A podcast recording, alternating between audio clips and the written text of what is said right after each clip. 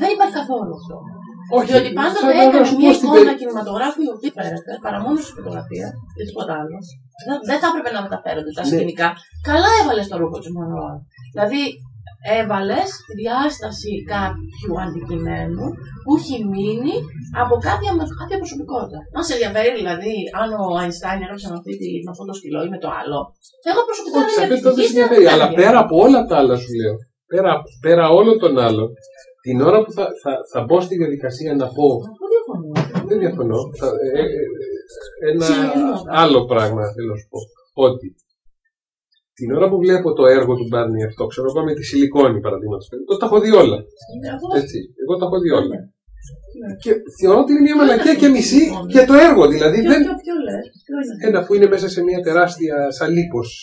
Ε, Πώς το λένε. Δεν το- δεν το Σα, ξέρω, σαλίπος, δεν το θυμάμαι. μια τρύπα ας πούμε, Ναι. και παλεύει συνέχεια να βγει και προσπαθεί να βγει και δεν βγαίνει και είναι ένα τέτοιο πράγμα. Είναι σαν 10 δευτερόλεπτα ταινίε του Spielberg. 10 δευτερόλεπτα. Όπου Ναι. τα 10 δευτερόλεπτα αυτά τα έχω πληρώσει 6 ευρώ, πόσο είναι το τέτοιο, έχω φάει και το Εγώ δεν popcorn τα μου έχω δει όλα και, αυτά. δεν- και δεν μπαίνω σε. Και, Ε, δεν σε ενδιαφέρει, παιδί μου. Ούτε εμένα Και μου δεν- αρέσει ο Μπάρνι, να σου το πω έτσι. Λοιπόν. Συμφωνώ, δεν με ενδιαφέρει ο Μπάρνι. ρε παιδί μου, το δεν σε ενδιαφέρει ο Μπάρνι έχει την μεγαλοθυμία του είναι καλός ο Ζαχαριουδάκης ή είναι κακός. Το τσάμπα της κριτικής, ε, της καλλιτεχνικής κριτικής.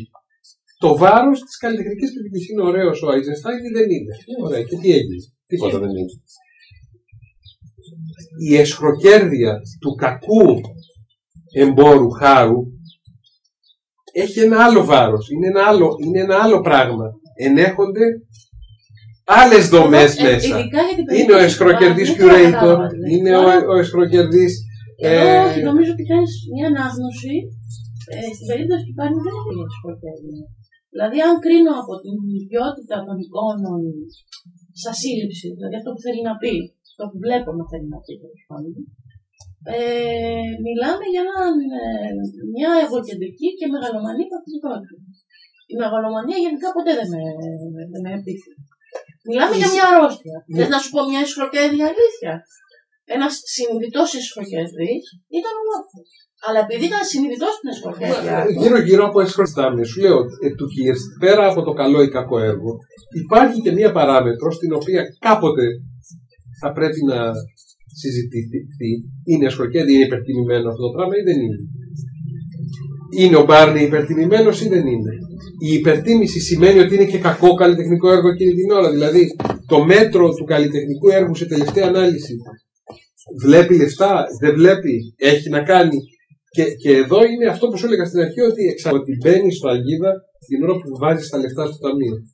Δεν βγαίνει όμως. Γιατί υπάρχουν έργα που έχουν πουληθεί, αν θέλεις, στην εποχή τους σε εκατομμύρια εκατομμύρια, που Ναι. μετά πάβουν να έχουν αξία. Και πάμε να έχουν αξία. Άρα, Άρα δεν λοιπόν παγίδα. Αυτό προσπαθώ να σου πω. Άρα υπάρχει συγχαρητήρια. Ρε, υπάρχει παιδιά. εσχροκέρδια. Ε, πάρα πολύ απλά. Αυτό Μπράβο. και ντομάτες. Αυτό είναι αυτό που σου λέει. Ναι, λες και δεν υπάρχουν εσχροκέρδια στα στι ντομάτες. Παντού υπάρχει εσχροκέρδια. Στην πραγματικότητα, αυτή τη στιγμή που μιλάς για μια οποιαδήποτε μεταφορά πληροφορίας ε, και μέσα στην οποία προσπαθείς να την αποτιμήσεις, αυτό και μόνο ε, είναι ανήθικο. Ε, Καλά, εντάξει. ναι. Γιατί είναι ανήθικο, γιατί θα κάνεις μια προβολή, γιατί θα κάνεις μια Ο, αυθαιρεσία. ο καθένας θέλει να πάρει παραπάνω, παραπάνω λεφτά. Πόσο κοστίζει η ζωή, ρε Μανώλη; Θα σου πει ο άλλος, ξέρω εγώ, αν πάω για τεχνητή γονιμοποίηση, θα κάνω πέντε φορές προσπάθεια και αυτό και εκείνο και τα. Τόσα κάνω. Μπορεί να βγάλει μια τιμή, ναι. Και άλλο μπορεί να βγάλει μια Ε, τιμή. μα ε, αυτό σου απαντώ. Ότι είναι αυθαιρεσία εκείνη την ώρα.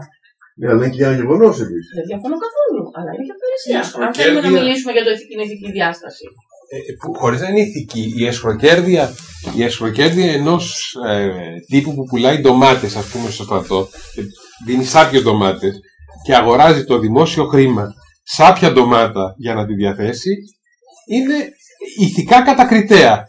Η εσχροκέρδεια στο έργο του Χάρου, ας πούμε, το οποίο το αγοράζει η εθνική ποινή, το διαθέτει και είναι κακό, ακουμπάει στην κα- καλλιτεχνική έκφραση και λέει, και, ε, λες, Ξέρεις ότι λέω, αυτή τη στιγμή μέσα στο συλλογισμό σου ενέχεται, χωρίς να έχει υποθεί, ότι έχουμε ένα κριτήριο να κρίνουμε. Γιατί οι ντομάτε όταν ε, σαπίζουν ρωμάνα, να κρίνουμε πότε είναι τα έργα κακά και πότε όχι.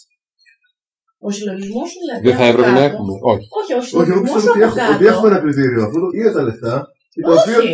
Μερικές φορές κάνουμε λάθος. Αποφασίστε τέλος πάντων. Ή είναι ή δεν είναι. Είναι. Όχι, Είναι, αλλά Ε, υπάρχει και τότε το είναι λάθος. Πάρα πολύ απλά. Ο Βαγκόκ δεν υπάρχει.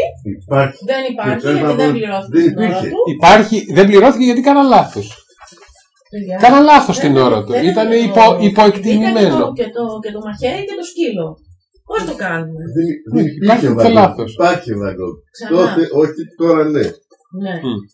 Το πρόβλημα Ο Βαγκόκ Είναι. ήταν λάθο και έγινε ένα καλό ζωγράφο. στην πραγματικότητα Ας το δεν, πω. θε, δεν θέλει καθόλου το συλλογισμό σου να, να αποδεχτείς, ενώ την ίδια στιγμή το αποδέχεσαι με έναν περίεργο τρόπο, υπερτιμώντας το, το ότι η κάθε σου πράξη ενέχει μέσα και τους άλλους.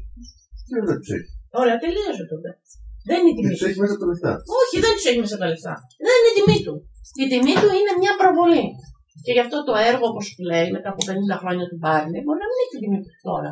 Αυτό βέβαια. Ενώ το είναι- Βαγκόκ μπορεί είναι- και να την έχει. Αυτό είναι Η αξία και η τιμή δεν ταυτίζονται. Πώς το κάνουμε; Αυτή τη στιγμή όμως ο Μπάρνι έχει αυτή τη στιγμή. Εγώ ελπίζω να μην Εγώ την έχει. ακούω διότι πολύ δεν απλά υπάρχει. καλλιτέχνες της Ελλάδας που λένε Θέλουμε να πουλήσουμε, αγοραστές δεν έχουμε και έχουμε σκάσει τη ζήλια μας. Και εγώ μέσα το συνυπογράφω. Ναι, εντελώς έτσι. Ναι, αλλά δεν είναι αυτό.